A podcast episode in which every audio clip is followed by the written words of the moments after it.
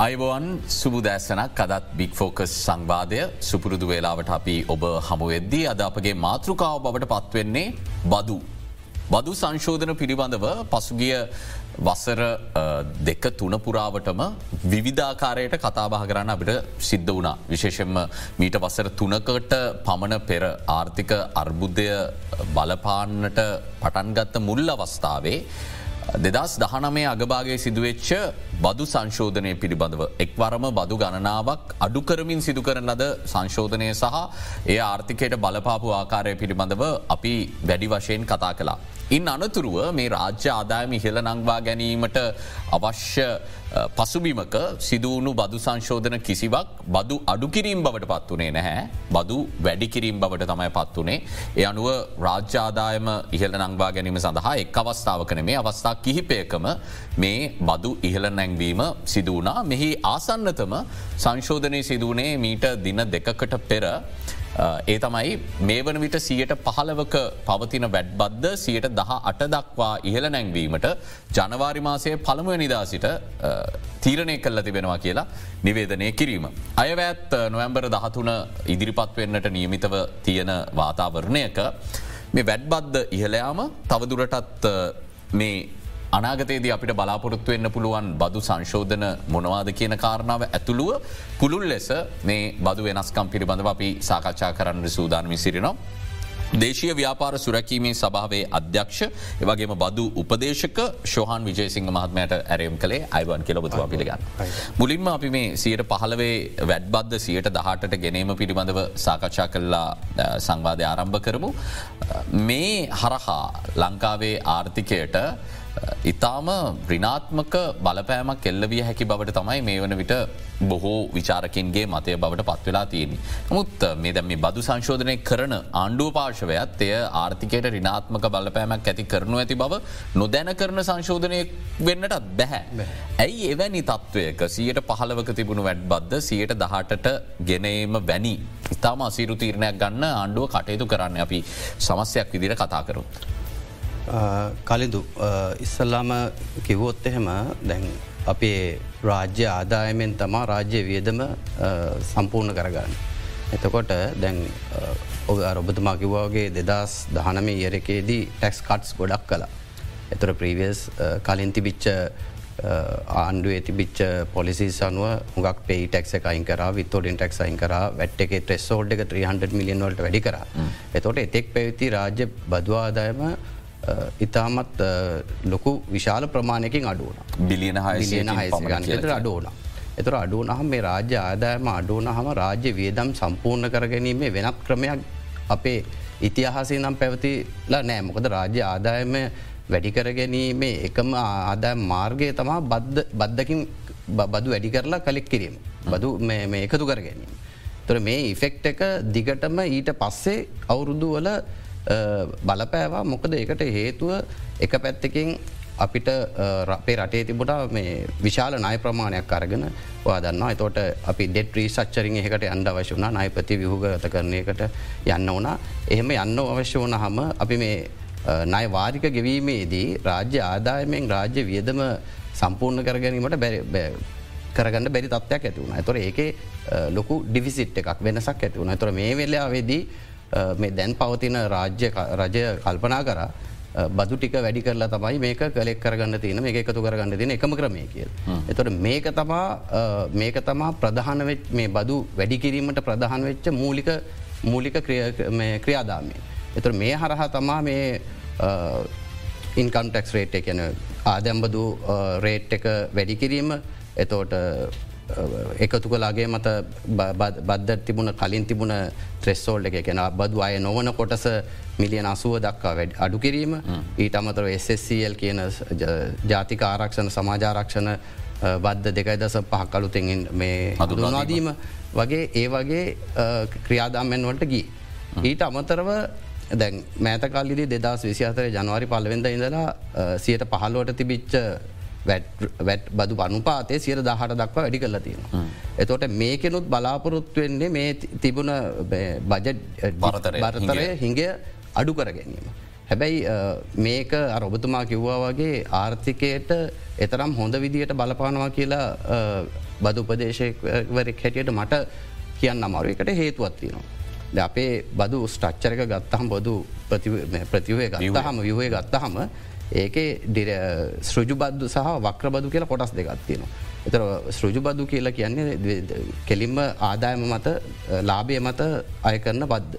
එතෝට ඉන්ඩිරෙක්ටක්සේ කියන්නේ සෘජු නොවන බද්ධ කියලා අපි අදහස් කරන්නේ විකුණුම් මත පනවන බද්ධ එතර මේකත් විකුණුම් මත පනවන බද්ධකට සමානය මොකද මේකත් විකුරුම් මත එක අපි බදු පනත කියන ටැක්සබල් සප්ලයි කියලා.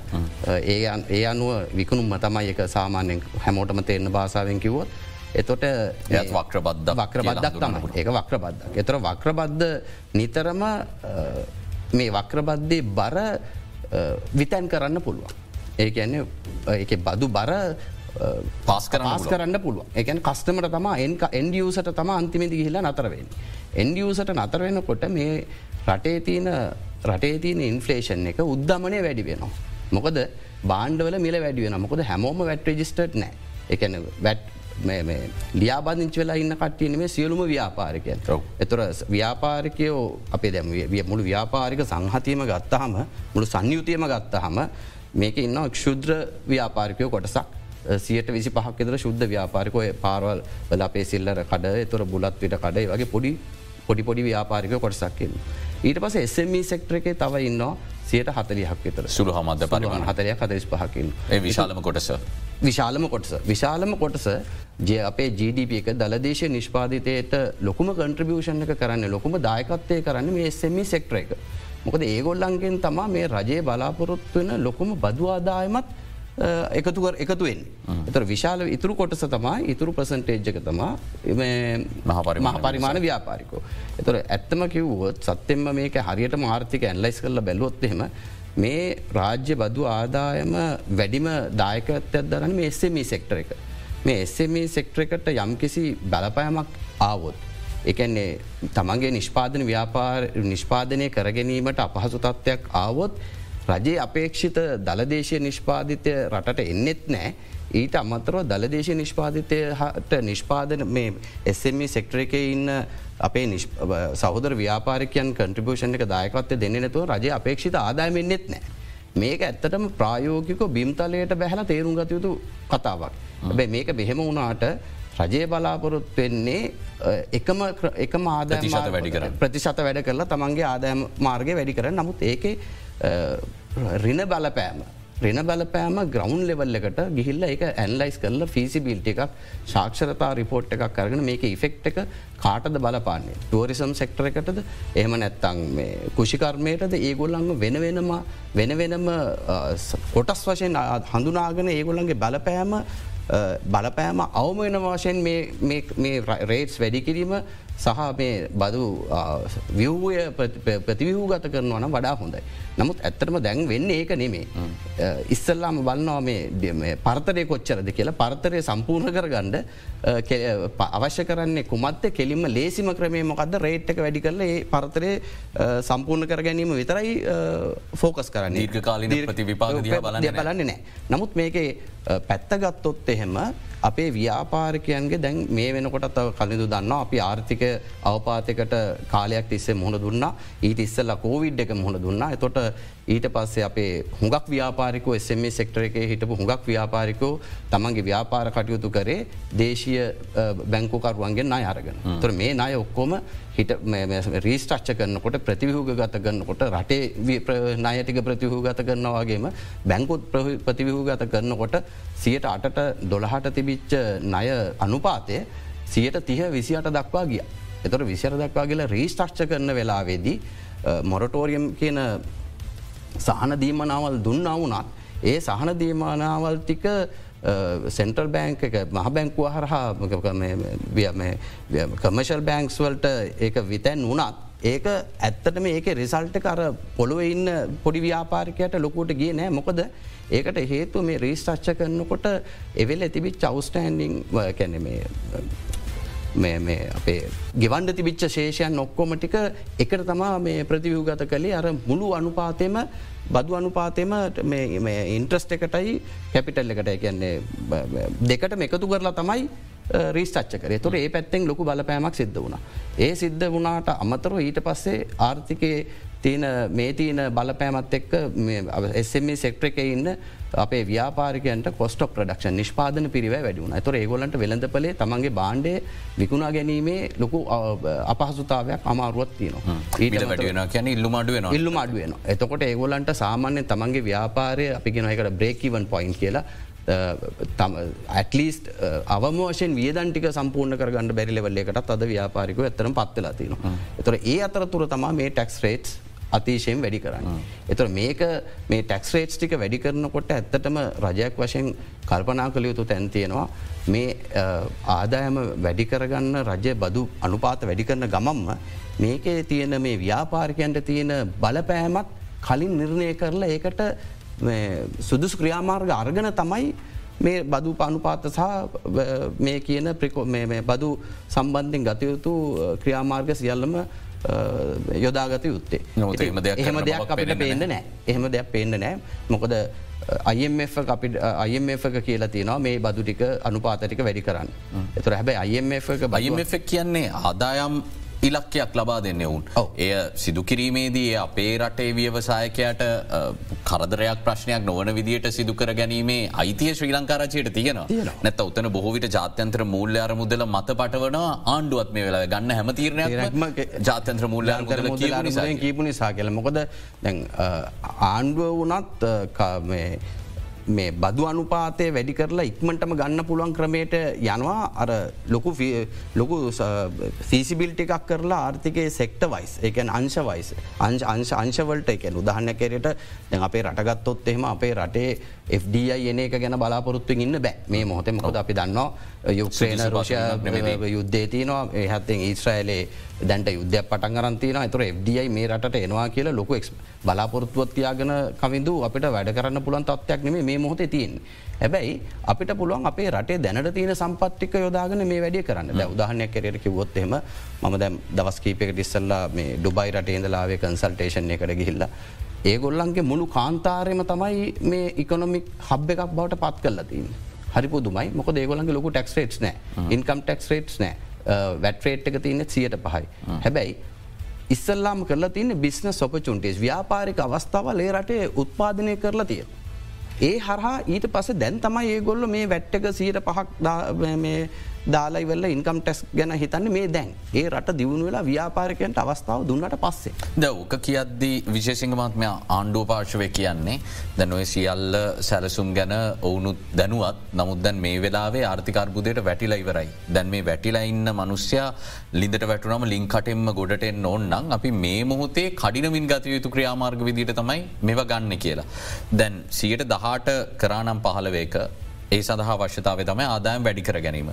ආණ්ඩු අධ්‍යනය නොකලාට බොහවිට බදු විශේෂඥයන් විදිට ඔබතුමාල අධ්‍යනයකින්නන මේවට විකල්ප ක්‍රම මොනවත් තියෙන කියලා මං එහෙම ඇහවුවොත් මේක සියට පහලවේ තියෙන එක දහට කරන්නේ නැතුව. සමට මේ බදු අනුපාත මීටත් වඩා අඩු කරලා.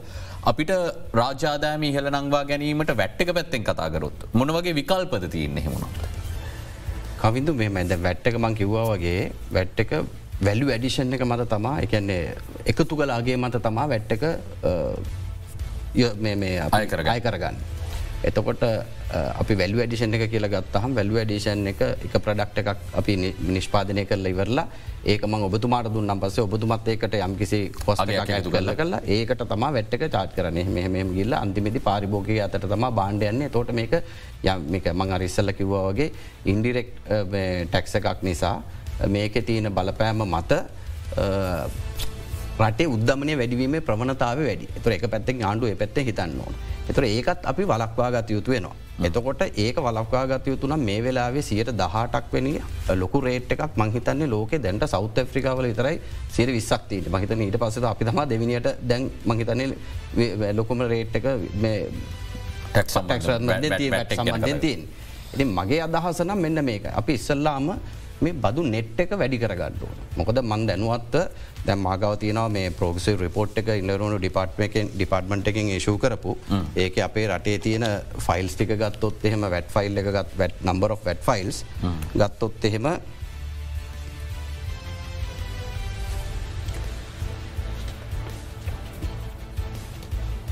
ඉන්කම් ටක්ස්වල්ට රෙජිස්ට වෙලා තියෙන්නේ දෙලක් සහතරදා සාරසය හැට හතයි ඒක ඉන්කම් ටැක්ස් ඊට අමතරව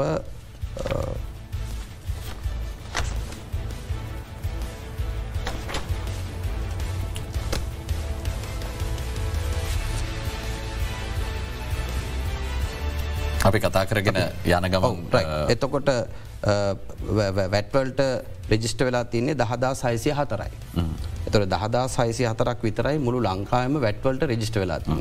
එතකොට ආදැබදු ගත්තොත් එම මං පොඩ්ඩක් එක ඒකත් කියන්න ආදැම් බදුවලට තියෙන දෙලක් සහතරදස් හාරසය හැට හතයි. එ තනි පුද්ගල හවුල ්‍යාපාරවලට තියෙනවා දහතුන්දා සත්සය හැට හයක්.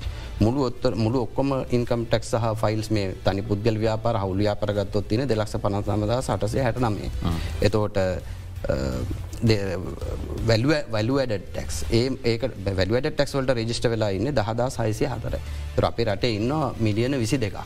තර මිලියන විසි දෙක ජනතාවකින් මේ ෆයිල්ස්වල අනුපාතය ගත්තොත් සියට එකක් විතර තම රජිස්ට්‍රේෂන් ප්‍රසන්ටේජක ප්‍රතිශතයතින් හැබැයි අපි දන්නවා මේ රටේ ඇත්තටම බදු නොගව පැහැරහරණ කොට්ටාසයකුත් ඉන්න. ඔහු එතර ඒ කොට්ටාසය මේ දැලට දැලට අපිට ගන්න පුළුවන් ක්‍රමයක් තිබුණ නම් යම්කිසි ඩිජිල්ල ඩිජිටලයිස් කරපු ක්‍රමයක් අපි ඉන්ටඩියස් කරලා මේ හැම හැම පිටවල් ගත් ඔත්තෙන් පිටවල් ලොක්කොම තොරතුරු තාක්ෂණය මත ඩිජිටලයිස් කරලා එක සිිස්ටම් එකට අරගෙන තමා තියනෙ රමිස් පද්ධතිය ගැන කතා කරන එක මතන සම්පූර්ණයෙන් ක්‍රියාත්මක වෙන්නේ නැහැ මේ වනද. රැමිස් පද්ධතිය ක්‍රියාත්මක වෙනවා නමුත් රැමිස් පද්ධතියෙන් තොරතුරු ලබා ගැනීමේ ක්‍රමවේදේ සම්බන්ධෙන් ගැටලු තියෙනවා. එකැට දැ තොරතුරු රැමිස් පද්ධතියට පලඳු තොරතුරු ලබාගණ්ඩ ඔන්න මේ රැමිස් පද්ධතියත් එක් අපේ ලෑන් ජාලගත විතුයි. එත මේ ජාලගතවීමේදී ජාලගත නොකර සිටින් ඇයි කියල පිළිබඳ ප්‍රශ්නයක් තින මේ ජාලගත කරලා මේ හැමෝම බදු බදු ගෙවියයුතු පුද්ගලයන්ව හඳුනගන ඒ හැබ පුද්ගලම ටක්ස් යිඩන්ටිෆිකේෂන් නම්බර එකට හරි යම්කිසි අපේ ජාතික හැඳුනුම් පත්තංකයට හරි යම්කිසි ලිංක එකක් දීලා ඒ තොරතුරු මේ එක තැනකට ගත්තොත් තම මේ වැඩේ කරන්න පුළුව අපි කියන මේ රොකට් සයින්ස් නෙේ මේ වගේ දියුණු ලෝකක. ලෝක මේ රොකට සයින්ස් නේ මොකද මේක ඇත්තම ඌමනාවයි අවශ්‍ය ඌමනාවතිය නම් කරන්න පුළුවන්. මොකද ඌමනාවති නැති ප්‍රශ්නය තමා තියන්නේ. ඇබ ඌමනාව කියන එක එන්න ඕන ග්‍රවන්් ලෙවල් එකෙන් නෙමේ ඉහලිදම් පහලට පහලිනම් උඩට යුමනාව යන්න නෑ යම් දවසක. තුර අපි ඉහල ඉහල ඉහල ඉහල අපේ දේශපාන්න පක්ෂවල ඉන්න ඉහල පුටුවල ඉන්න නිලධාරින් ඒකට පලනි පියවර තියන්න. තියලා මම මගේ මම පර්සල්ලි දකින මගේ විව්ව එක තමයි හිඟන්නක ඉඳලා ජනාධිපති දක්වා බදුගෙවියයුතු තැනනං ඉන්නේ. ඒ හැමෝම මේ ලිංක එකට එන්න ඇතුළ වෙන්න එන්න එතකොට තමා බදු ගෙවන හැමෝටම තමන් ගෙවන බද්ධ මම විතරක් මේ ගෙවන්න අපි ඔක්කොම එකයිගෙන හැඟීමෙන් බද්ධ ගෙවන්නට පෙළබෙන්න මෝටිවේශන එකක්. මේ බෙදී මේක සියලුම දෙන අතර බෙදියනවා. එකම අනිත් පැත්තර ගත්ත හම කවිඳු ෆයිල් ලක්ෂ දෙකක් වැඩි කොටසකින් එන ආදායම ලක්ෂ හතරක් වැනි ප්‍රමාණයකට වැඩිකර ගත්තොත් මේ කියන රේට්ස් අඩු කරන්න පුළුව මේ තියන ඔබතුමා ෆයිල්ස්ටිකට පෙයි ටක්ක් ගෙවන ඇතුළ වෙන්න නෑ මහිතන්න නෑ. පේටෙක්ස් තිස් සතරදස් ගානක් ඉන්නවා මේ පේටෙක්ස් තර ඒක පේටෙක් එක දැන් රජිස්ට වෙලා තියන තර පේටෙක් අපි ගෙවන්නේ පිට් එක දැන් පේ එක වෙනකොට තියන්නේ. එතුර ඒක ඉම්පලොයිමට ඉන්කම් එකට තමා පේටෙක් එක අදාලවෙන අපි ගැන වෙනම කතා කරන්න ඒක තමයි. එතකොට අර ඔබතු බාහපු ප්‍රශ්නයට දැන් මට කියන්න තියන්නේ මේ ටැක්ස් බේස එක නෙට් එක වැඩි කළ යුතු අනිවා වැඩිය ගැන කතා කරද්දී මේ රඳවා ගැන මේ ප්‍රෙස්හෝල්ඩෙක් ගැන කතා කරද්දී අපි මිලියන තුන්සියක තිබ්බ එක අසුවට අඩු කරලා තිබෙනවා. ඒ ඇතුළේ මේ පැත්තෙන් අපිට මේ ප්‍රතිශත අඩු කරල මේක බොහෝවිට බෙදී යන ක්‍රමයකට ගෙනෙන්න්නට හැකියාවක් තියෙනවාද. ඔවු. මොකද දැන් අපි වැට්ටක වැට්ටක ඇත්තටම මේ රෙජිස්ට වෙන්න ඕන ලියාපදිංචි වෙන්න ඕන සර්විස් ප්‍රෝයිඩස්ලා සර්විස් සපයන uh, කට්ටිය සහ මනිෆච්චරින් ප්‍රසෙස් එක ඉන්න කට්ටිය. එතකොට මංඒකයිකුවේ ත්‍රෙස්සෝල්ඩ එක අඩු කිරීම සම්බන්ධෙන් අපි කන්සල්ටන්ස්ල හැටියට සහ ආර්ථිකය දිහා බලන්න ඉකොනොමිකලිය ඉකොනොමි ඇහැකින් බැල්ලුවොත්තේම ආර්ථික ඇගල්ල බැලුත් ඒක පිළිබඳ ප්‍රශ්නයක් නෑ මොකද එතකොට හුඟක් දෙනෙක් වැට් අපි උදාහන්න කෙරට ෆයි මිලියන පහකට ගෙනාව කියල මේ ත්‍රෙස්වෝල්ඩ එක කාර්තුවකට. දැන්ට තියන්නේ මිලියන විස්සක්නේ. මේක පහකට ගෙනාවොත් වෙන්නේ ඔක්කොම එකතු කලාගේ මත බදු රෙජිස්ට වෙලා හැමෝම මේක ඉන්නවා. ඒ සිස්ටම එක ඉන්න වාර්ෂිකව මිලියන විස්සකට. වාර්ෂික ලීලි විස්සකට. එතොට ඒගොල්ලෝ මිලියන විස්සක් කියල කියන්න මං අර ඉස්සල්ල ඔබතුමාට පැහැදිල් කරපු දිහට ශුද්‍ර ව්‍යාපාරිකෝ කියන කොට සයින් වෙන ඇතන එතර එසම සෙක්ට්‍රක ඉදල උඩට තම ගොල්ලන්ගේ වැට රජිස්ටේෂන් එක අවශ්‍යවෙන් ට ගෙවන්න ඕන වෙන්න නෑටවත් නෑ. ඊට අමතරව එසම සෙක්ට්‍රක රජිස්ට වන හම එතොට ඒගොල්ලන්ට මාකට් එක හැමෝම වැට රජිස්ටඩ්න එතොර හැමෝම වැට රජිස්ටඩ් කියලා කියන එක අදහස ම කාගෙන් බඩු ගත්තත් හුඟක් වෙලාට එකම ප්‍රයිසක තින් එතරම කොලිටිකෙන් තම තරකාරිතයට යන්න ප්‍රයිසකෙන් ප්‍රයිසකින් යන්න බෑමට ම බාන්ඩේ කොලිටික වැඩි කරන්න ද හුඟක් පිටවල් ගත්තොත් එම ඉන්ඩිරෙක් ටක්ස් රේට් ගොඩක් වැඩි කලදු. සියට හතලියහි හතලි සතර අපේ සීර තියකර මෑතකද. එතුර සීර තිය තිස්සය කළ ඉන්ඩිජුව තනිපොද්ගලයන්ට නමුත් පිටවල් ගත්ත සමහට අපේ රේට්සල්ට වඩ වැඩි සීර හතලි සතරයි එතෝට ඩිරෙක්ටක් එක. ඩිරෙක්ටක් එක.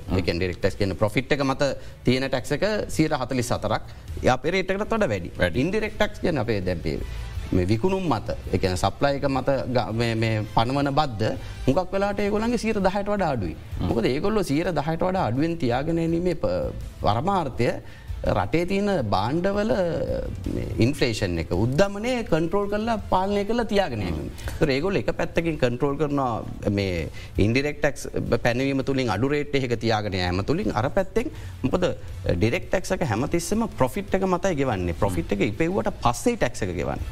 ඒක යම් කිසි බලපෑම කෑස්ලෝයකට තිබුණට නමුත් ඒක පොෆිට් එකක් තිබුණොත් විතරන ගෙවන් මේක පොෆිට් එකක් තිබුණත් නැතත් හයිරේට්යකින් කළොත් ව්‍යාපාරිකයන්ට මේක දරාගනය හැමි ලොකු අපහසුතාවයක් කළඳු තේරවා. මේක මේක බලපෑම දැන්නෙමේ එන්නේ තව මාස හතක් අටක් ගියාට පස්සේ. තවදුරටත් ආර්ථක සංකෝචනය කෝචනය වෙනවාට කියා නැති වෙන රැකෑ නැති වෙන පොද දැනටමත් අපි දන්නා කලින්ඳු මේ රටේ හොඳ ස්කිල්ස් බුද්ධි ගලනයක් තියෙනවා. ව්‍යාපාරික ගොඩා ව්‍යාපාරිකව සම්පූර්ණයම බලන්නේ තමන් පොහමරික මන්න පිටකට හන්ඩෝන කියල්. දර හුගක් අයි දැම්මම් බැලවා මම ඩුබයි රට ඉන්න වෙලාවේ බිස්නස් ලියාපදිංචි කරන්න මංගයා මංගේ කන්සල්ටේෂනකට ගිය අතනට ලංකාම විසි පස් දෙනෙකද ඇවිට තිබුණ. ඒකන් මේ හොඳට කරපු ව්‍යාපාරික මෙහන් ශි් කරන්න මෙහි එහට විතැන්වෙන්ඩ බලාගෙන. එතොට අපේ එතර තේන අපි මෙහ ඔපචුන්ටි අපිට නෑකන හැඟීමෙන් තමා මේ අපේ ජනතාව ව්‍යාපාරික ජනතාව එසම සෙක්ට්‍රකින්න ජනතාව ඒක බලන්න. එතකොට මේ වෙලාවේ අපි කරන්න ඕනේ මේ ගන් මේ අපි එකතු කරන බද්ධ එක පැත්තකින් එකතු කරලා රජයේ රජයේ වියදම් පැත්තත් කන්ට්‍රෝල් කළ යුතුයි. රජයේ වියදම් පැත්ත අවම කල්ලා ඒ තියෙන ආදායම අපේ රටේ තියෙන ව්‍යාපාරික අවස්ථාවන් වලට ආයෝජනය කළ යුතු. ඕක තමා හරිම කන්සෙප් එක. ඕකතම හරිමක සෙප්ට තුර ව්‍යාපාරික අවස්ථාන් වලට අනි පැත්තෙන් ගිල්ල මේ ආදායම් විෂමතාව අඩු කරල ගිහිල්ලා ඩිස්ටිබියුට් කරොත් මෙයා මේ ආදාය මරගෙන ගිල්ල ව්‍යාපාරිකයන්ට ඔපචුන්ටිස් දුන්නොති අටිතල පහසුගන්ටික දුන්නොත් අර ව්‍යාපාරිකෝ ටික ව්‍යාපාරටික කරලා ඉවර වෙලා දියුණු වෙලා ඊට පස මේ ආදැම්පදු ගෙවන්ට පටන්ගනි. ඊට පස්ස මේ එකතු කලාගේ මත බද්ධ ගෙවන්ට පෙළපෙනවා. වැඩිපුර ලාබලබනව කියන වැඩිපුර බද්ධකතු බද්ධකතු වෙන එතකොට රජ ලාබාඩු කල් අඩු කල දීලා ප්‍රතිශතය කොච්ච ඩක්නෑ කලින්ඳ මොකද ඒකට හේතු රජය අපේක්ෂා කරන දලදේශය නිෂ්පාධිතය එක්ස්පෙක්් කරන්න බෑ මේ තියන ටැක් සිිස්ටම එක මේ විදියට වැඩි කරලා. අනිත් පැත්තට දලදේශය නිෂ්පාධිතය වැඩි කරන්න බෑකින එක තේරුම නිෂ්පාදනය වෙන්නේ නැත්තම්. පොෆිට් ලබන්නෙත් නෑ ව්‍යාපාරි ඒකෙන් පොෆිට් ලබන්නෙත් නැත්තං අනිවාරෙන්ම රජ අපේක්ෂිත බදු ආදායමට යන්නත් ලේසින ඒක. අන්තිමිත් තව දෙක භයනකම තත්වේ මේ පොඩි පොඩි ව්‍යාපාරිකෝ එකපු මංකිපු ක්ෂුද්‍ර ව්‍යාපාරිකෝ එසම සෙක්ට්‍රකය කට්ටිය තමන්ගේ ව්‍යාපර වැැසුවට පස්සේ ඒ තියෙන විකුණු මාදාය මේ තියන ඔක්කොම යන්නේ මහපරිමාණ ව්‍යාපාරිකයන් අතරට. තොර මහපරිමාණ ව්‍යාපාරිකයන් අතලොස්සකට මේ තියන පොඩි ව්‍යාපාර්කයන්ගේ විකුණුම් සහ විශ්නස්ටික ඇදිලගේ හම්ම මේක මොනපොලි එකක් බට පත්වෙනවා. එතකොට ඔයයිමයි කඩට කියල බඩු කාරිත්වයක් තරගකාරිත්වයක් නෑ. එතොර අපිමක මේකට එක්කෙන දෙන්න ඉන්න. ඒගලන්ට ප්‍රයිසක ඒගලන්ට පුලන් තීරණය කරට එකන මොනපොලි කියෙන් එතර මේ අද රුපය දෙසියට ගන්න එක මට රුපය පන්සියකොත් මට වෙන විකල්ප නැතිනම පන්සිර ගන්න එතර මේක තත්වතා වැඩිවෙන්නට පුළුවන්. ඒනිසා මේ ගැන කල්පනා කළ යුතු අනිවාරයෙන් රජයක් හැටියට. එ අනුව මේ සිදුවෙන සංශෝධන දීර්ඝකාලීන වාර්ථිකය දිහා බලද්‍ය තරම් සුභවාදී සංශෝධන නොවන බව ඉතාම පැහැදිලි. පවතින ආර්ථික අර්බුදයෙන් ගොඩයම සඳහා තාවකාලිකව ගනු ලබන ක්‍රියාමාර්ග කියල කිව්වත් ආර්ථිකය ගොඩ එන්නට සැබෑ ලෙසම මේ සංශෝධන ඉවහල් වෙනවාද කියන කාරණාව ප්‍රශ්නාර්ථයක්. එය එසේ නොවන බව තමයි බොහෝ විට පෙනෙන්න්නට තිය අපි තවදුරටත් මේ ගැන කතා කරමු. කෙටි විරාමයක් ලබා දෙන්න. ඉක්මනින් මේ අලිත් තමගෙන.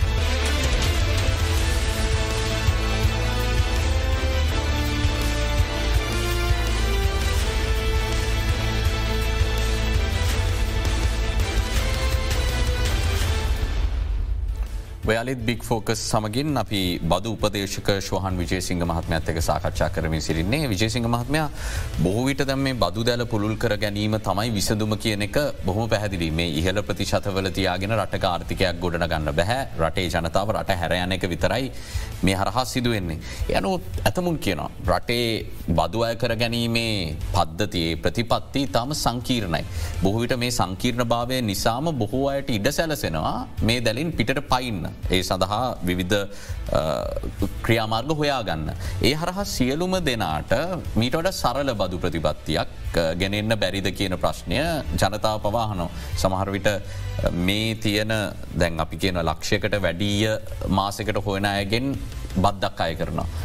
මෙය රටේ සියලුම පුරවැසියන්ට බදුගොුණු විවෘත කල්ලා මාසට රුපියල් දාහක් වෙන කෙනගෙනොත් සියට එකක බද්දක් ගන්නව නම් එය ගෙවන්නට එතරම් අපහසුවක් වෙන්නේ නැහැ ගාන හදල බැලුවම එතකට මේක බෙදිලගයාට පසේ සියලුම දෙනා දැල තුළට එනවා. මෙවැනි යෝජනාවක් ගැන ඔපේ අදහසමකක්ත. කනිදු දැන් අපේ බදු පනත සහ බදු සිිස්ටම් එක පොඩ්ඩක් සංකීර්ණය කියන අදහස තමා හැමෝගෙම පොදු මතය වෙලා තියන්නේ. එතෝට බදු සිිස්ටම් එක සංකීර්ණනං අපි දැන් අපේ දෙදස් දාහතය අංක විසි අතර දන්න බදු පනත හඳුන්වාදීම තුළින්ම ප්‍රකාශ කළේ සිම්පලිපයිට් වැට් පනතක් ගෙන ඇක්ට එකක් තමා මේ ගේන්නේ කියලා. එතොට හැබැයි අවස්ථාව ජාතන්ත්‍ර මුූඩර මුදලත් එක් ගෙනාව ගෙනාව. එතකොට ඒකත් අත්තරමකෝත් ගාන කියන රටේ ඉන්ට්‍රඩියස් කරපු මුල්ල අදමුල ඉන්ට්‍රඩියස්කරු බදු පනත තම කෙලිම හට ගෙනාව සංශෝධන කීපයකට අට සුළු සංශෝධ සඳන කීපකට යටත්ව. එකමදේ දැන් අපි බදු ක්‍රමය සංකීර්ණ වෙන්න වෙන්න එකක් ඒ සංකීර්ණ බව නිසාම සාමාන්‍ය ජනතාවට බද්ධ මොකක්ද කියන තේරුම් ගැනීමේ අපසුතාව ඇත්තියෙනවා. මෙමක බද්ධය තියෙන සංකීර්ණතාවය මත බද්ධ සාමාන්‍ය ජනතාවට තේරෙන්න. එතර මොකද ඕක සාමාන්‍යන ජනතාවට බද්ධ තේරෙන විදිහට බද්ධ අපට නිර්වචනය කරගන්න පුළුවන් ක්‍රමය හදන්න පුළුවන් නම් මීට වඩා බද්ධ ගෙවන ගෙවන්ඩ සාමාන්‍ය ජනතාව පෙළඹෙන. එතකොට ඒක එකකොට එක පැත්තක්. ඊට අමතරව දැන් බදු ක්‍රමය සංකීර්ණ වෙනවා වගේම සාමාන්‍ය ජනතාව මේ තියන ආර්ථිකේ තියෙන සංකෝචනයක් එක්ක බද්ධ ගෙවීමට වඩා නොගෙවීමට ක්‍රමසා හොයන්න. ගෙවීමේ ක්‍රමවලට වඩා නොගීමේ ක්‍රම ගැන තම උනන්දුවෙන්.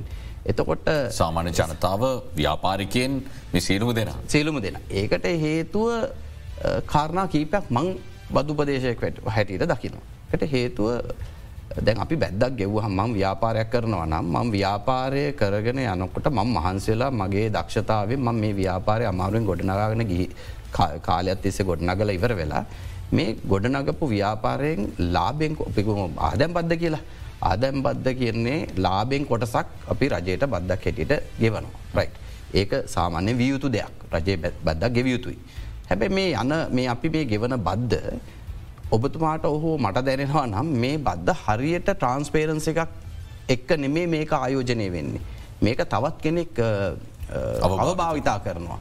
කියන හැඟීම උත්මාට ඔහෝ මට එනවා නම් අපි ඒ බද්ධ ගෙවීමට අභිප්‍රයණයක් ඇතිවෙන්න. එතොට මේකේ ට්‍රන්ස්පේරන්සික අනිවාරෙන්ම මේක මේ බදු සිිස්ටම් එක සහ මේ ආදායම ගලායන කොතන්ටද ගලාගෙන යන්නේ. මොන ඒ ඒ ට්‍රන්ස්පේරන්සික රජයක් හැටියට මහජනතාවට එලියට බැහැල ප්‍රකාශ කළ යුතු වෙනවා. ඒ ට්‍රන්ස්පේරන්සික සම්බන්ධයෙන් සිිස්ටම් එක හදන්ඩ වෙනවා. ඒ සිිස්ටම් එක හදලා මේ තියෙන බද්ධෙන් බදු මුදලේ. අය අවභාවිතාවක් වෙන්න නෑ කියන විශ්වාසය ජනතාවට දුන්නොත් විතරයි මේ අපේ රටේ ඉන්න බොහම කුඩා පිරිසක් බදු ගෙවන්ට කැමතිවෙන්. මේක දුන්නොත් ඔබතුමත් බදු ගෙවයි මත් ගවදු ගෙවයි හැම මේ නෙට් එකට එනවා. හැබැයි ඒ නෙට් එකට එන්න ඇතිවෙන්නට ඒ කාරණාව සංකීර්ණයි කියන කාරණාවට අමතුර විශේෂෙන් බලපාන්නේ මගේ අත්දැකි මනුවේ. තොට ඒක පලෙඩි කාරණාව. තොර සංකීර්ණයි කියලා කිව්ව හම විශේෂෙන්ම බද්ධ බදු සාමාන්‍යෙන් ඕනම රට ගත්තොත් බදු පනත සංකීර්ණයි නමුත් සිිස්ටම් එක සංකීර්ණ නොවෙන්ඩ නම් අපි අර ඉස්සල්ල කිව්ව වගේ තාක්ෂණය භාවිතා කරලා ඉවරලා මුළු රටේම තියෙන හැම පුද්ගලෙක්ම එක තැනකට ගෙනල්ලා මේ හැමෝම හැම ආයතනයක්ම ලිංක් කරලා බදු දැල ශක්තිමත් කරලා යම්කිසි සිිස්ටම් එකට හැමෝමම බද්දක් ගෙවන තැනට ගේන්නවා. ද ඔබේ අදකින් වලට අනුව රටේ සියලුම පුරවැසියන්ට බදු ගොනුවක් ඇත ඇතමෙක් ඔහුගේ බදු ගොනුවට අනුව බදු ගෙවන්නට අවශ්‍ය පුද්ගලෙක් නොවෙන්න පුළුවන් එක වෙන කාරණය නමුත් සියලුම දෙනාට බදු ලිපි ගොනුවක් ස්ථාපිත කර ගැනීම ආරම්භ කර ගැනීම ඇයි මෙච්චර කල් අපිට බැරි වෙලාදී. මම දකින විදිහට වුවමනාව නැතියක. අපේ රටේ තීරණ දේශයාදෑම් දෙපාර්තමෙන්තුට අයිති රාජකාරයක්. ඇත්තටම දේශයාදැම්පතු දෙපාර්තමේන්තුවට උපදෙස් දෙන්නේ මම හිතන්නේ ඊට ඉහල ෆයිනන්ස් මිනිස්ට්‍රියෙන් හෝ ඊට උඩ ආයතන ඇතිය නොන් නමුත් ආයතන ගතව උන්ගේ වගකී ඔුන්ගේ වගකීම තමයි ලිපිකුණුවක් ආරම්භ කිරීම. තොර ඇබැයි දේශයාදැන්ත දෙපතු දෙපාර්තමේන්තුවටත් ආදැම්බදු ලිපිගුණුවක් විවෘත කිරීම මුළු ජනතාවටම විවෘත කරනවා කියන්නේ සුළුපඩු කාරයක් නෙමේ මොකද එතනත් එතන තාක්ෂණයෙන් එතනට තමා තාක්ෂණයෙන් ඕන. එතන්ට තාක්ෂණයෙන් ඕන. එතන්ට පිරිස් ඉන්න ඕන.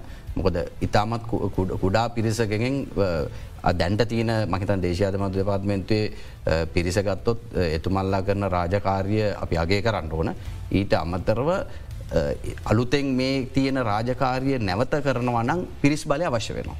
හැබැයි පිරිස් බලය අඩුකර ගැනීමට අවශ්‍ය නම් මේ කියන තාක්ෂණය අපි මේ බදු දෙපාත්මෙන්තුවට ගේන් ඕන මේ සියලුම ආයතන ටික ලිංක් කරලා ඉවර වෙලා. ඒ ලිංක් කරපු සිිස්ටම් එක හරහා තොරතුරු බොද් දෙපාත්මෙන්තුවන්න නිලධාරීන්ට තමන්ගේ කම්පියුටරෙන් ලබාගෙන බලාගන්න පුළුවන් හැකියාව තියෙන් මේ දෙකම කරන්න බැරි දෙකක් නෙමේ එකම දේ අවශ්‍යතාව මේ අවශ්‍යතාවය සහ ඩිසිෂන් මේකින් කියන එක අවශ්‍ය තීරණ ගැනීම අත්‍යවශ්‍ය තිමකොද අපේ රටේ තීරණ ගැනීමේදී ලොකු පසු බෑමත් තියෙනවන කලින්ඳු ඇත්තරම අපි තීරණ ගන්න ගියහම අපි දේශපාලන වාසය බලනවා. තොර දේශපාලනයෙන් කාටද හානියක් වෙන්න කියල බලනවා. මේක මේ තීරණය ගන්න මේ තිරන්නේ ගත්තොත් මගේ ළඟම හිතවන්තුන්ට මොකද වෙන්න කියල බලන්න. එහෙම වෙන්න බෑ. මොකද එහෙම වෙන්න බෑ සිිස්ටම් එක අවශ්‍යනං අනිවාරෙන්ම සිිස්ටම් එක හරිනම් අනිවාරෙන් ඉම්පලිමෙන්ට් කළයුතුයි. ඒ සිිස්ටම් එක මත ඩිපෙන් ඕන මේ රට දියුණු වෙන්න පුළුවන්. මොකද මේ රට සිිස්ටම් එකක් නැති නිසා තමා මේ බදු බදු කලෙක්ෂන්ස් ගැන බදු එකතු කිරීම ගැන අපි මෙච්චර වදවෙන්. අපේ මේ රටේ සිිස්ටම් එකක් නැති නිසා තම අද අපි මේ එකොනමික් ක්‍රයිසිස් එකක් හරහ මේ තත්වට පත්වෙලාතින. හැම දේටම සිිස්ටම එකක් අවශ්‍යයි අධ්‍යාපනයට සිිස්ටම එකක් අවශ්‍යයි අපේ ෆයිනන්ස කියන මූල්‍ය ප්‍රතිපත්තිවලට සිිස්ටම එකක් අවශ්‍යයි නීතියට සිිස්ටම එකක් අවශ්‍යයි අන්තිමිදි මේවා එක පාර කරන්න බැරූ ගියත්. කොටස කොට සහරි කරන්න පුළුවන්. හැබයි දැක්මත් තියෙන් ඕන විෂණ එකත් මේ වෙලාව කරන්න නැත්තන් කරන්න වෙන වෙලා ලකුත් නෑ බොහෝ ප්‍රමාදයි. තව ගියොතමත් ප්‍රමාදයි. දැන්ටමත් ප්‍රමාදයි. ඇත්තරම දැන් මේ වෙලාවේ අපේ අපේ දේශපාලන වාසියෝ අපේ පක්ෂයක වාසිය හෝ හිතන් නැතු රටේ ජනතාවට ඇත්තර ආදරය කරනවා නම් රට ආදරය කරනවා නම් අනිවාරෙන්ම සිිස්ටම එකක් දාලා හැමෝම මංකැන මේ බදු ප්‍රතිපත්තියට විතරන්න මේ ආදෑම කලෙක් කරන එකට විතර සිිස්ටම එකක් දාලා බෑ අනිත් හැමදේටම සිිස්ටම එකක් තියෙනවන පහයෙන් ආදායම එකතු කිරීම ගැන කතාකර ලෝකේ බොහෝ රටවල් එක් ඔබ ගණු දෙනු කරන බදු උපදේශකෙක් විදිහට මේ රටවල් වල බදු ගෙවන අයට උපදෙස් දෙන්න. ඒ රටවල් වල තියෙන තාක්ෂණය රටවල් වල තියෙන ක්‍රමවේද පිළිබඳව කතාකරොත් අපිට මොන වගේ රටවල් වලින්ද උදාහරණ ගන්න පුළුවන්. හොඳම උදාහරණය ඩුබයි රට හොඳම උදාහරණය ඩුබයි රට මොන දේ කරත් අපි අපි පාර පයිනකොට පාර මේ වාහනය නතර කරන්නතුව කහිරම් ගියත් ටික දුරක් කිලෝමීට කාලක්කත යන්න හම්බෙන්න කෙලින්ම ෆෝන් එකට එනවා දඩේ යොක්කොමටික් සිිස්ටම් එක ගෙන්නේ. එතොට ම දැකපුමුදේ සිිස්ටම් එකෙන් හැමදේමනවා ගෙදර යනකොට බිල්ල එක ගෙවන්ඩ තියන්නේ. ඒක ගෙව්වේ නැත්තං සමල්ලාට අපිට ගෙවන්ඩ තියන්නේ රුපියල් දහදක් නම් පෙනල්ටික තින විසි පන්දහක් විතර. තුර අනිවාරෙන් අපි දහදා ගෙවන්ට පෙළබෙන ඒ හැමදේකටම හැමර දැන් විශේෂම ඇමරිකාව අපි ඒවා අපිට අපේ රටත් එක සංසන්ධනය කර නමරු ඇමරිකාවයි අපි යම් ප්‍රමාණකට අපි සිංගපූරුවයි සංසන්ධනය කරමකො. ලේසිම සහ අපි හැමෝම උදාහරණකට ගන්න රටන. වර්ගඩි ප්‍රමාණය ගත්තත් ඇත්තරම කිවොත් අපිට වඩ අඩුයි. නමුත් අපි සිංගපුරුව එක කාලෙක එකට හිටු හම සිංගපුරු අද ඉන්න ඇත්තද බැලුවොත් එහෙම අහසයි පොලොයි වගේ. එතුර ඇත්තරම අපි පිට්‍රටකට ගියහම් පස්සේ සිිස්ටම් ගැන කතාකොලොත් කලඳු ඇත්තරම අපිට දුක හිතෙනවා. මොකද අපේ රටේ තියෙන සම්පත් හැමදීම තියෙනවන. අපේ රටේ බ්‍රෙඩ්ඩන් බට එකන්නේ ළඟමන බංකොලොත් කියල කියන්න ඕන නෙමේනේ කලුඳ මොකද? අපේ රටේ වටේම තියන්නේ මූද ඩුබයිරට ගත්තොත් මුහද මැදින් හාර්ලා ඉවරල තම වතුරටි කරන්ති හැම ගහ කොලකටම වතුර බින්දුවක් යන්ට බටික දාලා තියනවා. දැම ඒ පෙර දමන්ගේ රටේ ඉන්නකොට වැස්සා. වැස්සහම විනාඩි පහක් ඇතුළත ඒ කානු පද්ධති හදල නෑ වතුර ටික එකතුවෙන්ට විනාඩි පහක් යනට ගඟ වගේ වතුර ටිකන මේ මිනිසු බෞසර් විසි පහක් විතර ගෙනල්ලා රෙඩි කරගෙන මේ වතුර ටික එකතු කරනවා. ගස්වල්ට දාන්න. ටක්කල ගස්වලට දාන ද අපේරට එහෙම තත්ත්ව ඇත්තියෙනවාද නෑන අපේ රටේ වටේම මුහුද. අපේ රට ඇග්‍රිකල්ච මොන ඉන්නක් පැල කලත් හිටවුවත් පැලවෙනවා. අපේ රටේ නේචරක තියෙනවා. මේ හැමතනින්ම අපිට ප්‍රෝජනයක් ගන්න පුළුවන් මේ බදු ගෙවන ආදායම අනි පැත්තට හරියට මේකට සිස්ටම එකක් හදලා ස්ටඩජික් ප්ලෑන් එකක් හදලා මේක හොඳ විෂණ එකක්. අවුරදු දැම් මේ අවුරදු තිහක හතලික විෂණ එකක් ගැන මට අපි පෞගේ කාලය කතා කර. බයිති අවුරදු තිහක හතලික විෂණයක නිසල් අපි කෙටිකාලීන විෂණ එකක් හදන්න ඕන. අවුරදු පහක අවුරදු හතරක විෂණ එකක් හදන්න ඕන. හදල මේ ආදායම බෙදීයාමේ විෂමතාවය අඩු කරලා ඒ විෂමතාවය තෙක්ම කළ කරන බද්ද මේ විදිට ගියෝ දෙදා සතලිසට අපි දියුණුවේද රට කවරු කවරුත් නෑ ව්‍යාපාරිකෝ නෑ එතොට ඇත්තන දියුණුවෙන් නෙත් දියුණුවෙන් නෙත් නෑ ඇත මොකද ව්‍යාපා බුද්ධිකල්නය හර රටේ තියන උගතුන්ටික එලියට ගයාට පස්සේ රටේ තියන හොඳම ව්‍යාපාරිකෝටික රටෙන් බිස්සස්ටික විතැන් කරලා පිටරටොල්ලට වියට්නාමේ බංගලදේශය වගේ පකිස්ාන වගේ රටවලට ගියට පස්සේ මේ රටේ ඉතුරුවෙන්නේ කිසිම දෙයක් කරගණ්ඩ බැරි දේශපාලඥා කියන කියන විදිර නටන්ඩ පුළුවන් කොටසක් විතරයි. ඇත්තරම සමහල්ලාට අපි හිතන්න ඇතුනාට දේශපාලනය යටි අරමුණ ඒක වෙන්න පුළුවන්. ඉතාම දුගී රටක් නිර්මාණය නිර්මාණය මොකද එතකොට පුළුවන් මට චන්දටික පාංකෑල්ලත් දීල චන්දටික ගන්න. ඒක ලොන්ටර්ම් රන්න එකේදී විෂණ එක ඒක වෙන්න පුළුවන්. හැබැයි විෂණ එක වියුත්තයක නෙමේ හොඳ නායකෙක් මේ රටට බිහිවෙන්න ඕන. එයාට රටට මගෙන් ඊය පෙරද අපි කතාවකදී කතාවකද කිව්වේ එක්ස්පිරියන්සක තියන නායක අවශ්‍යද කියෙන එක්ස්පිරියන්සක තියන නායක අවශ්‍යනය කලඳු එහනම් මේ ඔක්කොම එක්ස්පිරියන්සක තිබිච්චායනේ එ අපි එක්ස්පිරියන්සක තිබිච්ච අය මෙච්චර ඉඳලා අපි අද මෙහෙමින් ඕනද? හොඳයි. අපි ඊට කෙටි විරාමයක් ලබා දෙන්නේ අලිත් ඉක්මනින් හමුවෙනවා තව කතා කරන්නට කරුණු කීපයක්ම තිබෙනවා.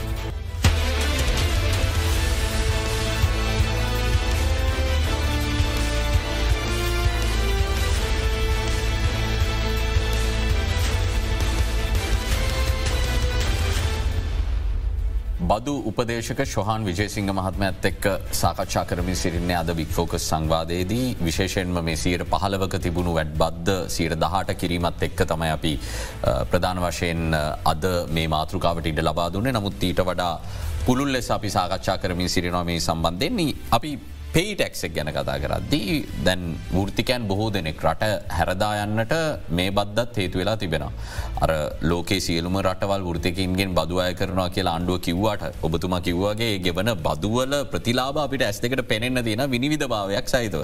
තැන් මෙහිදී අර ලාබේට නෙමේ මේ බද්ධ පනවන්නේ. තමන් ලබන වේතනයට එතකට මීට කලින් තමන්ගේ දරුවාගේ පාසල් ගාස්සු ගෙවපු තමන්ගේ අවශ්‍ය වාහනේ ලීසිං ගෙවපු මුදල් බද්ධ විදිට ගෙවන්න සිද්ධ වෙලා තිබෙනවා ජීවන තත්වය පහත වැටමින් තියෙන. නමුත් මෙවරත් මේ බද්ධ සංශෝධනයට ලක්වෙන බවක් පෙනෙන්න්නට නෑ හොඳම කතාව තමයි බිලියන සීයක් එකතු කරගන්න නියමිතව තිබුණු බද්ධෙන් මේ වනට බිලියන එකසිය හැටක් පමණ එකතු කරගෙන තියෙනවා. මොන දත්ත මදද පදනම් වුණේ කියන එකත් පැහැදිලි නෑ මේ විදිට යුතු ෘත්තිකයින් රට හැරයාමත් නවත්ත ගන්න බැරිවෙනවා. ඔබ කොහොමද මේ කාරණය දකින. කලින්දු දැන් අපි ඇපිට් කලින් තිබුණ පේටෙක්ස් දැන්තින ඇපිට් ඕක තීරණය වනේ දැන් ඔය බදු අයනෝන සීමාව තනි පුද්ගලෙක්ගෙන් බදු අයනෝන සීමාව කලින් තිබුණේ මිලියන තුන අවුරුද්ධකට. ඊට පස්ස ඕක දැන් අලුත් ඔබතුමා අපි කතා කරපු සංශෝධනත් එක් ඕක ලක්ෂ දොලහකට අඩු කලා. ලක්ෂ දොලහකට ඕක අඩු කරපු හම ඇපිට් එක ලක්ෂ දොලහකට වඩා වැඩිවෙන හැමෝටම ඇපිට් එක අදාළ වෙන ඒරේටස් වලට අදාළ වෙනවා එතුරේ කොටස් වශයෙන් මන්තලිය අප ඒක ගෙවන්න ඕන. නමුත් එකමදේ අපි ත්‍රීමිලියන් කියන සීමාව අපිගෙමක යම් විදිහකින් වැඩි කියලා ඇම් කිසි කෙනෙක් කියනවන ඕකේ මම දකින එක ඇත්ලි අවම වශයෙන් දැම්මේ තියෙන ආර්ථිකයේ තියන මේ තියන උද්ධමනයත් එක්ක සාමාන්‍යෙන් 1.2 මිලියන එක ලක්ෂ දොලා කියන මාසකට ලක්ෂයයි ඇපිට් එක අදාළ නොවන කොටසකට තියෙන.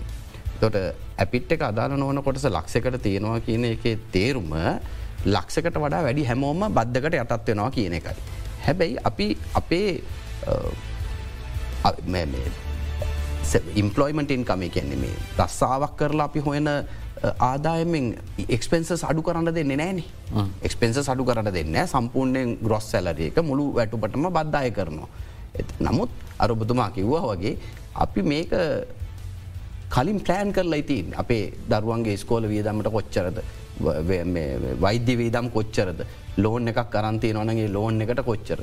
ඒ වගේ අපි ප්ලෑන් කරලා තිබ්බේ. ද මේක එක පාට්ටම මේ ත්‍රීමිලියන් කීන සීමාව තුනෙන් එකකට පල්ලෙ හට ගත්ත හම ඉතාමත් ඒ වගේම තනි පුද්ගල පුද්ගලයකුට තියෙන බදු ප්‍රතිශත. ඒක ඉතාමත් ලොකු ප්‍රමාණයකින් අඩුවන ඊට බසේ ස්ලබ්ස්කු ත්‍රීමිලියන් වගේ තිබිච්චව ලක්ෂ පහකට අඩු කරලා සියට හයකට අඩුවන එතට ඒක ලොකු ඉෆෙක්ට ගත්තිීම. එතොට ඒකත් එක්ක තමන්ගේ පුද්ගලික වශයෙන් තමන්ගේ මුදල් ප්‍රවාහාවය ප්ලෑන් කරගෙන සිටීම තුළ එක පාට්ට මේ ආපයක තනි පුද්ගලයන්ට සහ මේ විශේෂෙන්ම හැම රස්සාාවක් කරන ඉම්පලොයිමට ඉන්කම ගත්තියන හැම පුද්ගලින්ට ලොකෝට බලපෑව.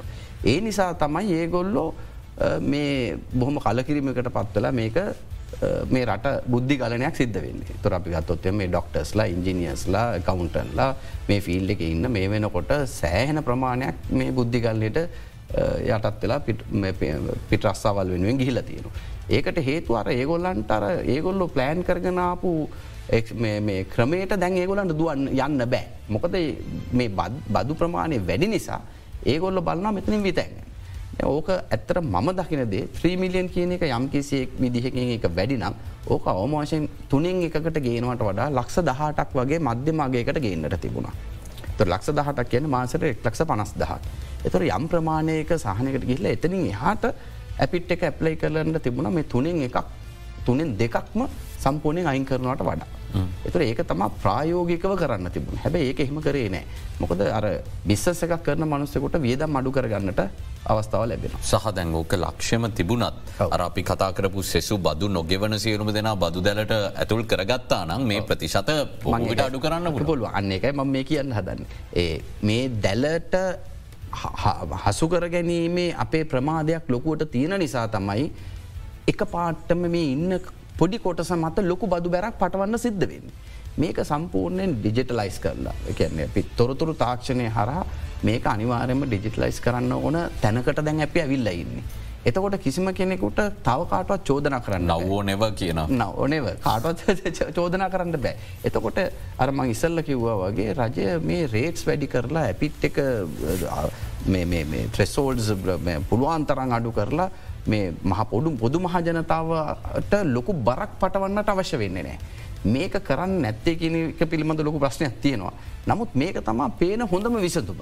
හැබැයි පේන හොඳම විසඳුම ගන්න ලේසි විසඳුමටයි අපි යන්න හැමතිස. එතනයි මේක තියෙන ප්‍රශ්න. මහිතනේ මුළු මුළු මුළු සංවාධයම එක වාක්‍යයකට ගන්නවනන් ඒ තමයි කරන්න තියෙන්නේ. ආණ්ඩුව මේ ලේසිම තැන් සොයමින් බදු පනවන බව පෙනෙන්න තියෙනවා. නමුත් හොඳම ක්‍රමය නොවෙයි ලේසිම ක්‍රමය සෑම විටම ආණ්ඩුවේ ක්‍රමය බවට පත්වෙද්දී රටේ ආර්ථිකය නොපෙනෙන සීමාවක ගිලමින් පවතිනවා. එය තවත් මාස ගණනාවකින් විශාල අර්බුදයක් විදියට එලියට එන්නට අනිවාරෙන්ම සිදුවේවි. මේ සියලුම විශේෂඥයෙන් මත පල කරන ආකාරයට. එනිසා මේ පිළිබඳව ජනතා විදිහට ඔබ දැනුවත්වීම ඉතාම වැදගත්.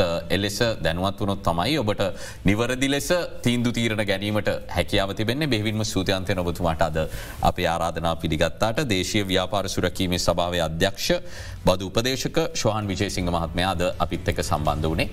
අපි ඉදිරියටත් මේ පවතින ආර්ථික තත්ත්වය ඒ වගේම ගන්නා තීන්දු තීරණ ක්‍රියාමාර්ගත් එක්ක ය රටේ ආර්ථිකයට කෙලෙසද බලපාන්න කියන කාරණා පිළිබඳව විශ්ලේෂනාත්මකව සාකච්ඡා කරමින් ඔබට තොරතුරු ගෙනෙන්න්නට සූදානමි සිරිනවා. අදට අපි සංවාධයෙන් සමගන්නා එටත් සුපුරුදු වෙලාවට හමුවෙන සුපදිනය.